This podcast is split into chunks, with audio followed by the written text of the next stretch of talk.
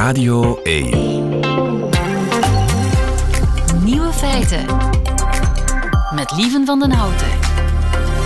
Dag en welkom bij de podcast van Nieuwe Feiten, geïnspireerd op de uitzending van 12 januari 2023. In het nieuws vandaag de ontdekking die een TikToker onlangs deed. So, can we talk about the fact that I was today years old when I found out that this knock has a name? Nu pas heb ik ontdekt dat deze klop een naam heeft. Apparently, the name of said knock is the shave and a haircut. Shave and a haircut, zo heet dat ritme. Knippen en scheren dus. De TikToker keek onlangs naar een feuilleton op televisie waarin iemand op die manier op de deur klopte en dat kreeg een ondertitel. Shave and a haircut. En toen ging hij zoeken en blijkbaar is dat ritme uitgevonden door een Amerikaanse kapper in de 19e eeuw, die een slogan had: Shave and haircut, two bits. Wat zoveel betekent als knippen en scheren voor een kwartje. Dus dat heeft een naam, Shave and haircut, two bits. Is dat niet iets voor Rick de Leeuw? Zijn ontbreekwoordenlijst, een Nederlands woord bedenken voor shave and a haircut. Binnenkort misschien in Nieuwe Feiten. De andere Nieuwe Feiten vandaag. Een zakenman in Nederland die koopt kerken om ze uit commerciële handen te houden. Wit-Rusland steekt de royalties van buitenlandse artiesten voortaan gewoon in eigen zak. In Rotterdam krijgt een kerkuil met een scheve nek kine. En Rika Ponet lost weer een relationeel dilemma op. De nieuwe feiten van Nico Dijkshoorn, die hoort u in zijn middagjournaal. Veel plezier.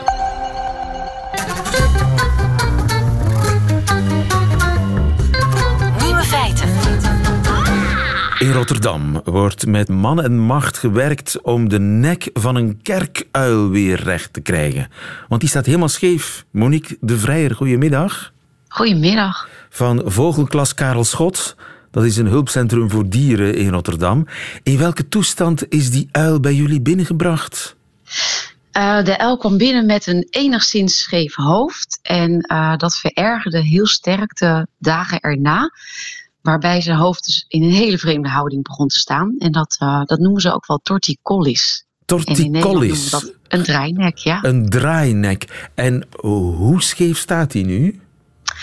Op dit moment uh, staat hij nog wel iets scheef, maar aanzienlijk beter als dat hij was de eerste week dat hij bij ons binnenkwam. Toen, uh, ja, dan moet je je voorstellen dat als je voorover buigt en naar je voeten kijkt, hij niet naar zijn voeten keek, maar weer naar het plafond. Zo scheef stond zijn hoofd. Ja, dus naar beneden en dan gedraaid, helemaal naar boven. Ja, inderdaad. Heel ongemakkelijk lijkt me. De, zeker, dat denk ik ook. Ik denk ook heel pijnlijk. Ja, want uilen, kerkuilen, die kunnen hun hoofd, die zijn heel soepel hè, met hun hoofd. Die kunnen dat bijna helemaal, ik kan niet zeggen helemaal ronddraaien, maar het scheelt weinig. Ja, dat klopt inderdaad. Maar, maar deze houding was toch niet helemaal zoals hij het uh, moest doen. En hij zat echt vast? Nou, hij kon hem wel bewegen, omdat als je uh, naar hem kijkt, dus het hokje open deed, dan, dan prikkelt dat ook. Dat geeft stress. En dan uh, ging hij eigenlijk vrij heftig bewegen met die kop. En ze denken ook wel dat die scheve stand komt juist omdat ze de pijn proberen te ontlasten. Maar het is natuurlijk altijd heel moeilijk om dat na te vragen aan dieren. Um, dus hij kon hem wel bewegen, maar niet in een normale stand houden, zoals het hoort. Ja, ja. En enig idee waar hij die ja, gedraaide nek of draainek heeft opgelopen? Nou, dat, ook dat is natuurlijk altijd een beetje gissen. En um, het vermoeden is vaak wel trauma. Maar torticollis kan komen door meerdere oorzaken. Dus het kan ook uh, uh, een infectie zijn bijvoorbeeld, of een vergiftiging, of een tekort aan vitamine. Dus uh, dat is altijd een beetje gissen, maar we hadden wel het vermoeden op trauma. En uiteindelijk is hij dus ook behandeld door een fysiotherapeut die ook voelde aan de nek dat daar iets niet goed zat. Wat ook wel wijst op trauma. Dus ergens tegenaan geknald? Ja, inderdaad, ja. En uh, fysiotherapie, in Vlaanderen noemen we dat kine, kinesietherapie. Uh, dus hij krijgt kine, als het ware. Uh, nou, niet als het ware, dat krijgt hij krijgt hij inderdaad. echt, ja. En dat in combinatie met laserbehandeling. Laserbehandeling, hoe, hoe gaat dat? Ja, dat, dat ziet er eigenlijk heel uh, grappig uit, omdat het een soort lichtje is waarmee in dit geval over de nek uh, wordt geschenen. Dus het, het ziet er heel vreemd uit, maar het doet wel heel veel. En dat, dat is in combinatie dan eigenlijk dat je een soort nekmassage krijgt. En het deel wat dan niet goed zat in zijn nek, daar wordt dan de laser lasertherapie op ingezet, de laserbehandeling. Ehm, dat duurt dan enkele minuten. En dat is heel, ehm, ja, dat verlicht de pijn en dat helpt dus het zelfgenezend vermogen van de cel te activeren. Oké, en dat is een laserpen en geeft dat warmte of zo?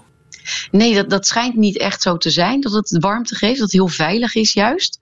Ehm, dus ja, je, je kan je bijna niet voorstellen dat het wat doet, maar het, Het heeft eh, iets, goede ja. effecten op de L. Ja. En vindt hij het lekker om gemasseerd te worden? Ik weet het niet. Reageert hij daar ehm, agressief op of reageert hij daar... mm, wordt hij Nee, daar rustig heel, van? heel gelaten, maar Ja. zonder geluidjes en zonder eh, enige emotie of wat dan ook. Dus eh, hij gaat het heel gelaten ondergaat hij het eigenlijk. En hoe lang zijn jullie al bezig met, met die therapie? Eh, die is half december begonnen. En ehm, de, eh, zij doet dan de, de eh, voelen en de laserbehandeling. En zij heeft ons toen geleerd hoe wij nekmassage kunnen geven aan de uil. En dat doen we dagelijks. Ehm, en hij verbetert nu, dus hij heeft nog een andere behandeling ook van haar gekregen. En op dit moment is het afwachten wanneer zij het weer nodig acht. En eh, omdat hij zo goed vooruit gaat, gaan wij nu om de dag masseren. Jeetje, hij gaat echt goed vooruit. Het gaat, de, de nek staat al bijna weer recht. Hij staat eh, niet meer voorover gebogen, ze staat weer rechtop met zijn hoofd. Alleen je kan nog aan zijn hoofd zien dat hij schuin staat. En als je hem dus prikkelt, dan krijgt hij wel weer klachten. Dat hij dan wel weer een beetje in, in zijn oude stand schiet, zeg maar. En, en rare bewegingen maakt, maar heel veel minder als dat het was eh, bij binnenkomst. Hebben jullie dit ooit eerder meegemaakt of gezien? Eh torticollis wel, alleen het- we hebben het nooit eerder goed gekregen. En het is niet iets wat je vaak in de opvang krijgt. Het is wel een beetje zeldzaam, maar het komt voor. Voor En, uilen eh, of ook bij andere vogels? Nee, ook bij andere vogels kunnen het krijgen. Maar roofvogels, eh, daar is het wel bekend van. Roofvogels en uilen dat ze het hebben. Maar we hebben ook wel zwanen gehad eh, die in een hele rare krul stonden. Dus het komt ook bij andere vogels voor. En dit is de eerste keer dat we het op deze manier zijn gaan behandelen. En eh, ja, gelukkig zijn we dat gaan doen, want het lijkt heel goed te gaan werken. Wauw. Heeft hij al een naam? Want we noemen hem Die hij. Dus, ook het, het, het is een hij. We, we weten dat het een hij is. Nee, dat weten we niet. Zelfs dat hij niet? eh, is. Eh, nee, hij is geringd binnengekomen. Hij is geringd toen hij drie weken oud was eh, door een uilenwerkgroep. Dus we weten wel wanneer die, eh, dat hij vorig jaar augustus of eind juli geboren is. Hij was alleen toen te jong qua opmeten om te zeggen of het een jongetje of een meisje was. En nu, ja, we, we zien de noodzaak niet zo. Dus we willen hem eigenlijk niet nog meer pesten. En we proberen natuurlijk Ja. gewoon zo min mogelijk met Ja. hem te doen. Dus het is voor, voor nu onbekend. voor nu non-binair, zeg maar. Hè? Eh, Ja, ik heb de precies. neiging om hem Oehuburu te noemen. Dat weet ik ook niet. Maar, eh, maar jullie, jullie geven geen namen aan dieren die bij jullie worden opgevangen. Nee, eigenlijk niet. En dat heeft ermee te maken dat we opvang zijn voor wilde vogels. En die dieren moeten terug in de natuur. Ehm, dus het zou niet goed zijn als we tegen ze gingen praten en een naam gaven. Ja, ik hoop heel sterk dat Oehuburu ooit terug eh, de natuur in kan. En eh, zoals de therapie nu verloopt, zal dat wellicht over enkele weken, misschien maanden zijn. Maar het zal gebeuren. We hopen het, we zijn heel positief en het is wel ons streven. Mag je daar heel veel succes eh, bij wensen. Monique de Vrijer van eh, Vogelopvangcentrum Karel Schot, Vogelklas Karel Schot in Rotterdam. Goedemiddag. Goedemiddag. Vraag het aan Rika.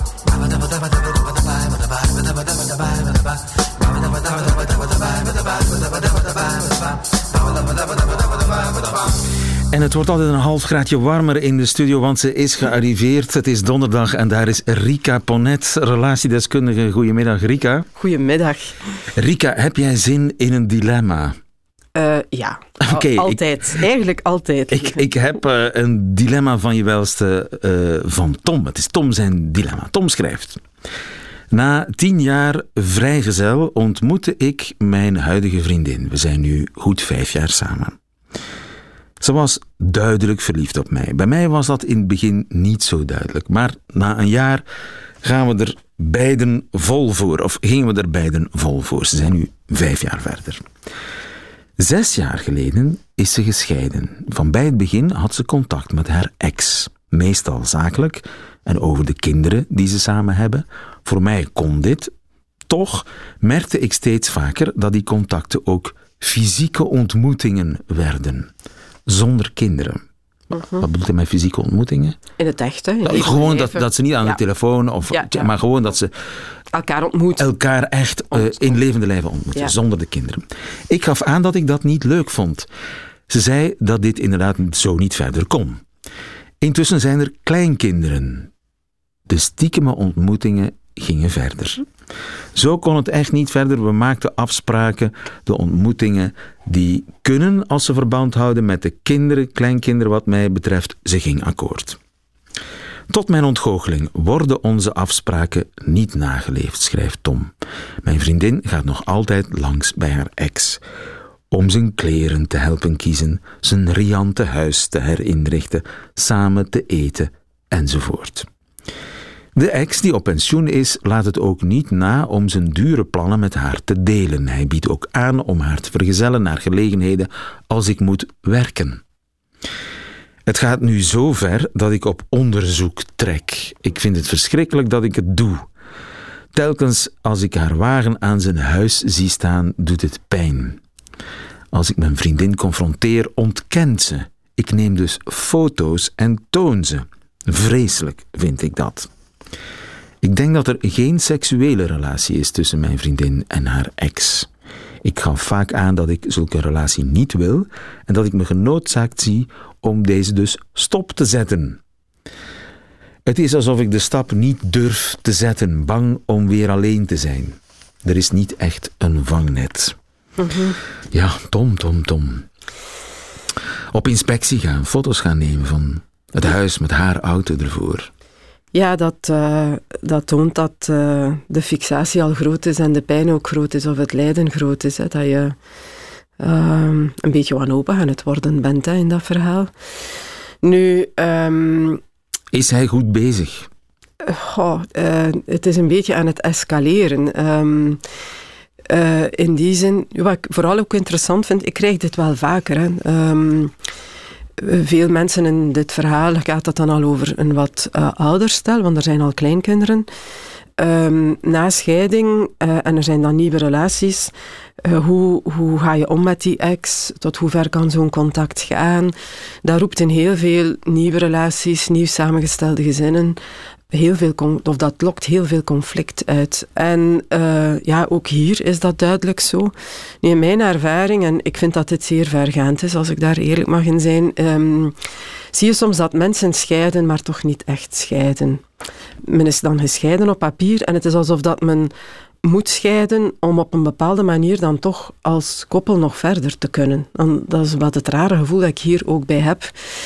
Het gaat niet alleen over wij zien elkaar nog fysiek omdat we dat oké vinden en om te praten over de kinderen of bepaalde afspraken Je te vraagt je maken. af waarom zijn die twee eigenlijk gescheiden? Waarom zijn die twee gescheiden? Die doen echt relatiedingen. Hè. Eh, een vrouw die met een man samen kleren gaat shoppen en kiezen, Huis herinrichten. het huis gaat inrichten, hij die haar wil vergezellen op allerlei activiteiten, daar spreekt, dat is relationeel gedrag, hè. dat is wat een koppel doet. Dus snap ik ook zeer goed zijn gevoel hè, bij, bij dit hele verhaal, dat dat voor hem niet klopt. Ehm, hij heeft van haar geëist van, ja, ik wil dat daar andere afspraken rond zijn. Zij is daarin meegegaan, maar duidelijk eh, heeft ze ja gezegd, terwijl ze het eigenlijk niet wou, eh, want ze blijft stiekem verder doen wil duidelijk ook de conflicten uit de weg gaan. Hè. Ze blijft het doen, ondanks het feit dat hij het anders wil. Dat lijkt me zo Ehm, pijnlijk als je zegt, ik was daar niet, maar ik, je was daar wel. Wel, hier, kijk, hier is de foto. Ja. Ehm, Hoe ga je Ja. dan nog verder? ja, dat is heel moeilijk. Eh, Ik denk, mocht hij dit verhaal nu delen, maar er is blijkbaar niet zo heel veel vangnet met vrienden, met intimi. Mocht een vriend van ja, ja dit verhaal doen, jij zou zeggen, jong, pak je biezen, zet er een punt achter, stop ermee. Ehm, ik heb het gevoel dat hij dat ook zelf wel weet, hè, dat, eh, dat dit niet oké is. op het moment dat je begint met te liegen, in het geheim dingen te doen, ja, dat, eh, dat ondermijnt enorm het vertrouwen in een relatie. Dus hij weet dat zelf wel, denk ik. Het feit dat hij het niet doet, wijst erop dat er nog voldoende elementen zijn die hem doen blijven. En ik denk dat het voor hem belangrijk is om daarop te focussen. Wat maakt nu, um, en dat is dan angst natuurlijk, dat ik hier geen punt achter zet, dat ik niet in staat ben om voor mezelf te kiezen, want daar gaat dat over. Um, ik voel me heel slecht, hè, want zie eens, hè, ik, ik rijd die achterna en ik neem daar foto's van. Hoe klein voel je je dan? Hè? Hoe, ja, wat voor een tristig figuur voel je je dan? Het is duidelijk dat hij heel veel schrik heeft om alleen te zijn en eigenlijk nog liever de kruimels heeft zoals hij die nu krijgt, dan, ja, dan te gaan voor het verhaal uh, van niets. Hè. Nu, als je een tijdje op kruimels leeft, dat is een dieet, dat houdt niemand emotioneel vol. Dan durf ik daar echt mijn handtekening voor zetten. Op een dag wordt de honger zo groot dat uw angst om die kruimels te verliezen het moet afleggen van je verlangen en je hoop op iets beter dan dit. En, Jij schetst een somber toekomstbeeld. Jij zegt eigenlijk, Tom. Ja. Um, Vertrek. Ja. En ten positieve en dat vind ik ook belangrijk. Durf misschien toch nog eens een stap terug te nemen als laatste daad of als laatste poging. Uit je jaloezie want dat zit duidelijk ook al in een dynamiek van, jij mag niet naar hem toe gaan, ik eis dat, ik leg dat op, ik controleer jou, zie je, ik heb jouw auto zien staan, je hebt gezegd dat je er niet was, waardoor dat zij zich ook helemaal uit die relatie aan het terugtrekken is, daarover gaat liegen. Daar moet hij mee stoppen. Ja, durf uit, uit dat controlerend, jaloers gedrag, dat aangejaagd gedrag, proberen een stap terug te nemen. En op een, ja, op een rustige manier alsnog met haar een gesprek aan te gaan over wat is dat nu? Hè? Wij zijn samen. Ik heb het gevoel, ja, jij was verliefd op mij. Wij zijn zes jaar samen, want het is toch ook al een behoorlijk lange relatie. Wat maakt nu dat jij dat nog heel graag doet, terwijl je weet um, dat dat mij zoveel pijn doet? Hè? Wat is de beweegreden? Wat zit daaronder? Wat is jouw motivatie? Wat is jouw behoefte om nog altijd ook opnieuw naar... Uh, en wanneer maakt die relatie dan toch nog een kans, denk je? Als daar een soort gesprek over mogelijk is. Ja, een erkenning. Een eerlijk gesprek. Een eerlijk gesprek. Zonder chantages en foto's en bewijsmiddelen. Dat is het, ja. En zij ook duidelijk durft aangeven dat haar behoefte om... Dat dat verhaal nog niet helemaal rond is. En dat er blijkbaar toch nog bij haar een soort van behoefte leeft. En ook bij die ex-man. Het is duidelijk dat hij nog heel graag een poot in haar leven heeft. Hè. Dat is zo het verhaal. Ik wil eigenlijk niet met jou getrouwd zijn maar ik laat jou ook niet over aan iemand anders. Of ik laat jou ook niet toe om een nieuw leven te leiden. Dat rond die dingen, dat daar een gesprek rond mogelijk is. En je van daaruit dan opnieuw kan vertrekken richting mogelijk nieuwe afspraken. Dus je geeft het toch nog een kans? Ja, ik vind zo'n gesprek altijd zinvol. En um, ja, trek daar dan je conclusies uit. Maar een kruimeldieet dat blijft nooit duren, leven. Echt niet. Ja. Tot volgende week, Rika Ponet. Zijn er nog vragen voor Rika? Nieuwe feiten uit radio1.be.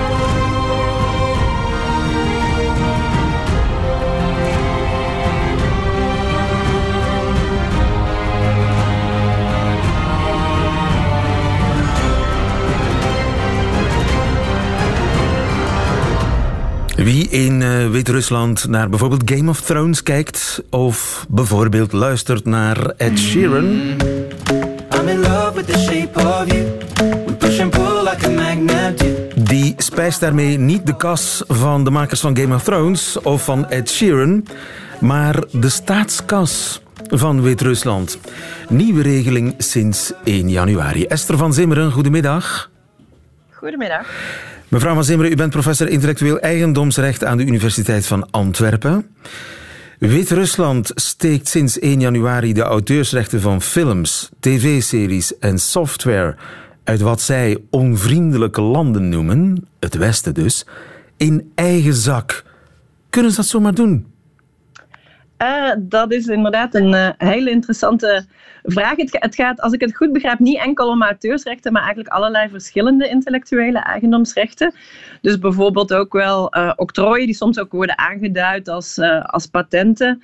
Uh, daar gaat het dus bij, om uitvindingen hè, en niet alleen om uh, uh, zaken die meer met muziek en dergelijke te maken hebben, zoals auteursrechten. Um, kunnen ze dat zomaar doen?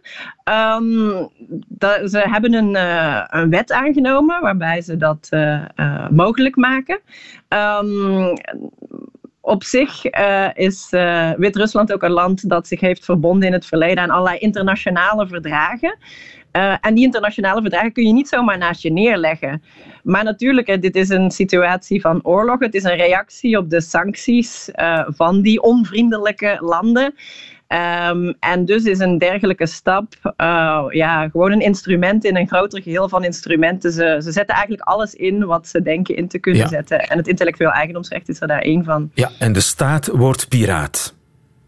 Ja, dat, dat is dus interessant, want um, ik heb het nog eens eventjes nagegaan. In, in Rusland uh, heeft men vorig jaar uh, ook al een vergelijkbare wet aangenomen. Maar ik denk dat uh, het instrument een klein beetje anders is. Want hier lijkt het er inderdaad op dat de, de staat dus het geld in de zak probeert te stoppen. Dus in plaats van uh, de aanpak in Rusland, waar men simpelweg zei: we gaan die rechten niet meer respecteren, we leggen dat naast ons neer. En Iedereen bedrijven piraat. in Rusland hoeven dat niet te doen. Gaat men dus de royalties in Wit-Rusland nog altijd wel verzamelen, maar gaan die niet meer naar de rechthebbenden, maar naar de staatskas. Tenminste, dat is zoals ik het uh, in alle snelheid heb begrepen. Ja, en kun je daar als Ed Sheeran of als de makers van Game of Thrones of als, als artiest, zeg maar, kun je daar iets tegen doen? Want jij wordt eigenlijk bestolen. Um, heel lastig. Uh, dus normaal gesproken, als je in een gewone situatie is waarbij een, een, een bedrijf of een andere organisatie inbreuk maakt op je rechten, dan stuur je eerst een brief hè, om te zeggen van nou, ben daar niet zo blij mee. En dan kun je eventueel, uh, als de ander daar niet op ingaat, naar de rechter stappen. Uh, maar hier is een dergelijke weg natuurlijk niet zo aannemelijk. En je kunt dan proberen om dat politiek aan te kaarten. Maar ja, in, de, in het huidige klimaat en uh, politieke klimaat en die oorlog is het weinig aannemelijk dat je daar veel tegen kunt beginnen. Dus uh, zij betalen eigenlijk de, de prijs voor een, ja, voor een politiek conflict. Um, dat zal waarschijnlijk niet de eerste keer zijn dat in je mag hoesten, je mag hoesten, je mag hoesten, ja, het is winter. Sorry. Geen probleem. Ja, het is een beetje de tijd van het jaar. Hè? Absoluut. Iedereen is aan het hoesten, dus excuses daarvoor. Um, maar um, ja, dus um, heel, heel, lastig. In, in dit soort grote politieke conflicten zetten landen allerlei instrumenten in. En het is niet de eerste keer dat ook het intellectueel eigendomsrecht daarin een rol speelt. En, ja, het is niet de eerste keer, dat is in het verleden ook al gebeurd. Um, ja, op, op, op, op andere manieren en andere contexten. Um, uh, de, de, de, de toegang uh, tot, tot medicijnen, waarbij je dus uh, ook kunt denken aan allerlei grote, grote problemen en misschien nog wel grotere consequenties dan wanneer je aan het auteursrecht denkt van, van muzikanten. maar ja, um, in een situatie van oorlog lijkt soms alles gerechtvaardigd. Maar als je dit natuurlijk vergelijkt met de grote gruwelijkheden die worden begaan in Oekraïne, um, is dit misschien natuurlijk een instrument waarvan je de impact wel kunt relativeren. Hè? Ja, Want uh, het, zijn het sowieso, gaat niet om mensenlevens. Ja, het zijn sowieso de grote internationale sterren die daarvoor in aanmerking komen om verlies te leiden, zeg maar. Maar die mensen zullen er geen uh, boterham uh, uh, minder om eten, zelfs geen. Uh, ja, natuurlijk. Het, het, geldt eigenlijk voor alle rechthebbenden. Hè? Alle rechthebbenden uh, die daar iets zouden willen beschermen in Wit-Rusland. Dus niet enkel de grote spelers, ook de kleinere spelers. Maar op zich is Wit-Rusland internationaal gezien geen enorme markt. Um, dus het, het, het, het, enorme verlies zal wel redelijk beperkt zijn. Maar Rusland heeft vergelijkbare stappen gezet. Er zijn ook al een, er is een rechtszaak geweest de, over uh, Peppa Big, uh, rondom het, het Juist, merk ja. van Peppa Big. en er zijn daar ook verschillende voorbeelden waarbij uh, Russische bedrijven aanvragen doen voor merken die lijken op Starbucks of McDonald's en dergelijke. Ja.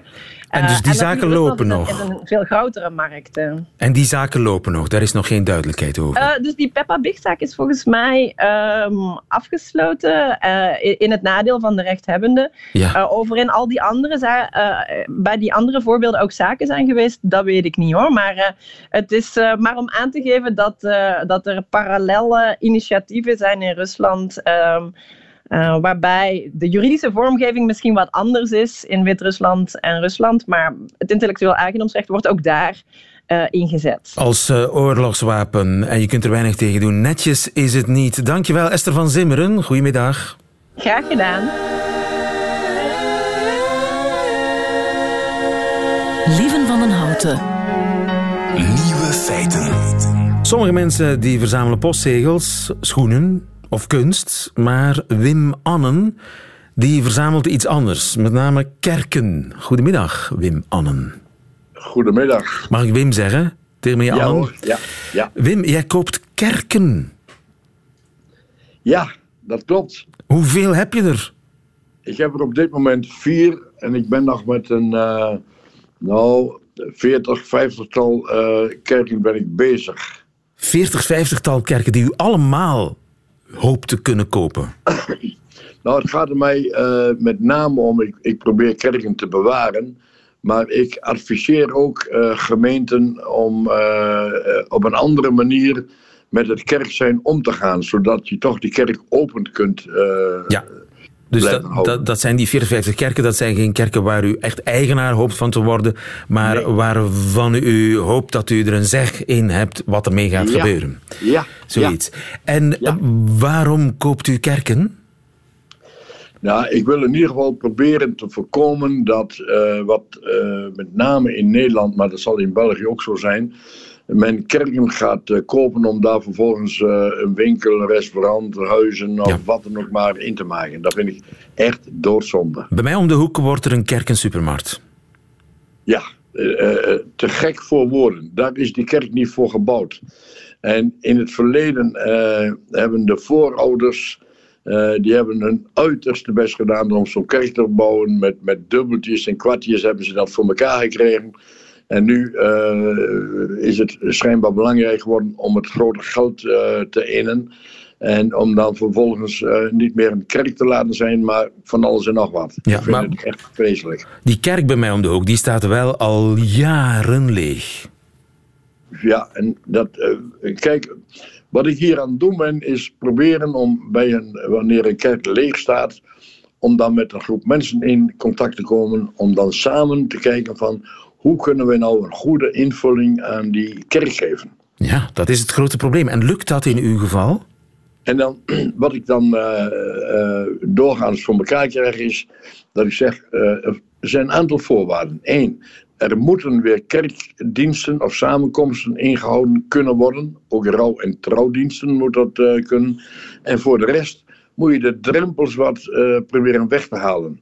Dat betekent dat, dat je wat gemakkelijker naar de kerk uh, in kunt en gemakkelijker uit de kerk weer terug kunt komen. Dat is. je moet ook proberen om niet alleen op zondag die kerk open te hebben, maar je moet ook eens gaan kijken van wat kunnen we in de week dan met die kerk gaan doen. En denkt u dan aan concerten, lezingen? Van alles. Presentaties, uh, zangavonden. Ik kan niet schelen wat, maar dan komen de mensen weer in de kerk. En u zou ze overdag ook open willen houden als een soort stilteplek, midden in de, in de dagelijkse chaos? Ja, ook dat. Gewoon een kerk open zoals het eigenlijk hoort en waar die voor gebouwd is. En dus een kerk is altijd om, om, om, om ook God te ontmoeten, maar ook om stil te zijn, om mensen te ontmoeten, ja. om in het geloof te zijn. Dat zijn allemaal hele wezenlijke dingen. Daar gaan we tegenwoordig keihard aan voorbij, maar het is en blijft belangrijk. En uh, ik hoor u zeggen ook rouwdiensten, uh, bruiloften. Zijn alle religies welkom in uw kerken? Ja, wat ik uh, aan het doen ben, dat, is, dat stel ik ook als een voorwaarde. Wij moeten de zogenaamde kerkmuren gaan afbreken. Dat wil zeggen, we hebben nu van allerlei richtingen, van protestant, katholiek, baptist, bedenk het allemaal maar. Maar ik zeg eigenlijk, jongens, wij geloven toch in één God. Laten we nou eens proberen, vooral in situaties waar het noodzakelijk is, om samen op te trekken. In plaats van te zeggen, ik ben katholiek of ik ben protestant. En ik heb nu een, een kerk in Meadow gekocht, vlakbij Winterswijk aan de Duitse grens. En daar zitten katholieken, protestanten en niet-kerkelijk samen in een, in een werkgroep om samen die kerk weer aan de praat te krijgen. En dat lukt? En dat is fantastisch. En dat lukt. Hartstikke leuk is dat. Dat vind ik ook zo ontzettend dankbaar werk om, om daar dan in te adviseren. Om daar dan, eh, ik heb toen wel die kerk gekocht en die ga ik tegen een, eh, een, klein bedrag weer terug laten huren. Eh, zodat ze dat zelf kunnen opbrengen ook allemaal. Dus niet, er, is er is geen winst eh, waar ik op uit ben. Als ik die kerk weer terug ga geven aan de bevolking tegen een, een minimale prijs, dan heb ik mijn doel bereikt. Ja. En waar komt het geld vandaan als ik zo eh, brutaal mag zijn? Eh, tot nu toe heb ik alles zelf eh, gefinancierd. U zat in de vastgoed, eh, geloof ik. Ik zat ook in de vastgoed en ik heb allerlei bedrijven eh, gehad, van alles en nog wat. Ja. Dus En, eh, het, het is dus een vorm van naastenliefde of van bestemming Ja, van uw, uw, uw kapitaal, van uw erfdeel, van uw estate, zoals de Engelsen zeggen? Ja, ja, nou weet je wat het is? Er is een tijd om, eh, om geld te vergaren en er is een tijd om geld te bewaren, maar er is ook weer een tijd om, om geld uit te geven. En als ik dit weer terug ga geven aan eh, de, de bevolking, dan voel ik mij daar hartstikke goed bij. En waar hoopt u op als u ja, 20, 30 jaar in de toekomst kijkt? Eh, ik denk eh, dat er over 20, 30 jaar dat er weer een enorme opleving zal komen in het naar de kerk gaan. Nu is het zo dat eh, men de kerk niet meer denkt nodig te hebben. Ze kunnen alles met hun mobieltje doen. En, maar ik denk dat er net als een, als een cyclus, eh, met een jaar of 20, 30, dan eh, komt die kerkgang wel weer, en misschien wel veel eerder hoor, komt die wel weer op, op gang. Dat geloof ik vast in. En dan is het natuurlijk mooi dat we kerken bewaard hebben. Dat, Ja, dat, Dat het niet allemaal restaurants zijn geworden. Wat zegt u? Dat het niet allemaal eh, restaurants en, en wooncomplexen zijn geworden. Nee, precies, precies. Dus de, eh, als er dan weer kerken bewaard zijn gebleven, dan is het ook gemakkelijk om dat weer open te stellen en meer, voor meer mensen toegankelijk te maken. Ongeacht wat voor geloof ze hebben of geen geloof. Want daar Maar drukt u op, het, het gaat eigenlijk niet om God, hè, in uw geval. Het gaat eigenlijk om het, om het religieuze, om het eh, samen zoeken naar zin. Nou, het gaat mij ook wel om God hoor. Eh, ik ben zelf ook christen en eh, wij, wij, zouden ons met elkaar wat meer mogen inspannen om, eh, om, om daar ook wat aan te gaan doen. Maar als je dan kerken hebt, dan heb je ook de mogelijkheid om daar God te ontmoeten of daar ter wereld van God te zijn. Meneer Anne, mag ik u heel veel succes wensen. En dank voor dit gesprek. Goedemiddag. Dank, dankjewel, goedemiddag. Radio 1. Nieuwe feiten. En dat waren ze, de nieuwe feiten van 12 januari 2023. Alleen nog die van Nico Dijkshoorn, die heeft u nog te goed en die krijgt u nu in zijn middagjournaal. Nieuwe feiten. Middagjournaal. Beste luisteraar, ongeveer een jaar geleden vertelde ik u hier hoe ik als 14-jarig jongetje door een dichter werd gered. Ik stond in een boekwinkel, ik schuifelde doodsbang naar de afdeling poëzie. Ik pakte het boek met de mooiste rug en sloeg de bundel lukraak open en ik las een gedicht dat voorgoed mijn leven zou veranderen. Het was een gedicht met de titel Gehoord gedicht en het ging als volgt. Gehoord gedicht. Ik geef u tien tellen om mijn zaak te verlaten. 1, 2, 3, 4, 5, 6, 7, 8, 9, 10. Het was geschreven door Kees Budding en zijn gedicht opende een nieuwe wereld. Dat mocht dus ook. Een gedicht hoefde niet te rijmen. Het was genoeg als je gevoelens los wist te voelen bij de lezer. En dat deed dit gedicht bij mij. Wat was daar allemaal gebeurd in die winkel voordat er iemand uit werd gestuurd? Het was iemand die mijn winkel zei. Hij of zij had er heel hard voor gewerkt om er een leuke, gezellige winkel van te maken. En nu stond er blijkbaar een klootzak midden in die zaak alles te verpesten. De persoon die de winkel in tientallen moest verlaten, die ging blijkbaar niet naar buiten. Waarom zou je anders door tien tellen? Wat was er daarna allemaal gebeurd? Hadden de andere klanten de lastige klant met z'n allen op straat gegooid? Nu ja, luisteraars. Dit bedoel ik dus. Hoe een handvol woorden mijn fantasie keihard aanzette. Hoe een verzameling woordjes mij anders liet kijken naar het doodnormale. Ik heb de bundel gekocht En ik lees hem nog steeds.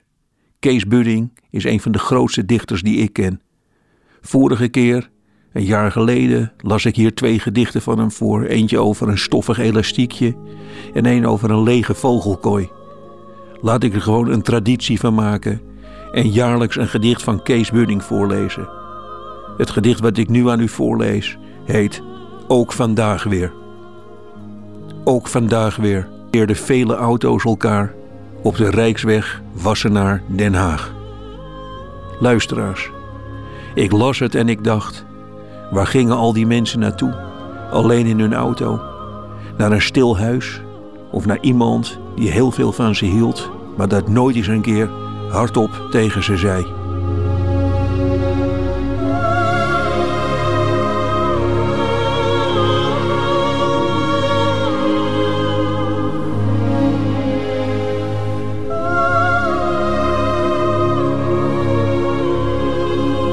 Een gedicht kan een leven veranderen, zo zit dat. Het middagjournaal van Nico Dijkshoorn, meteen het einde van deze podcast. Hoort u liever de volledige nieuwe feiten met de muziek erbij? Dat kan natuurlijk elke dag live, elke werkdag tussen 12 en 1 op Radio 1. Of on demand via de Radio 1 app of website. Tot een volgende keer.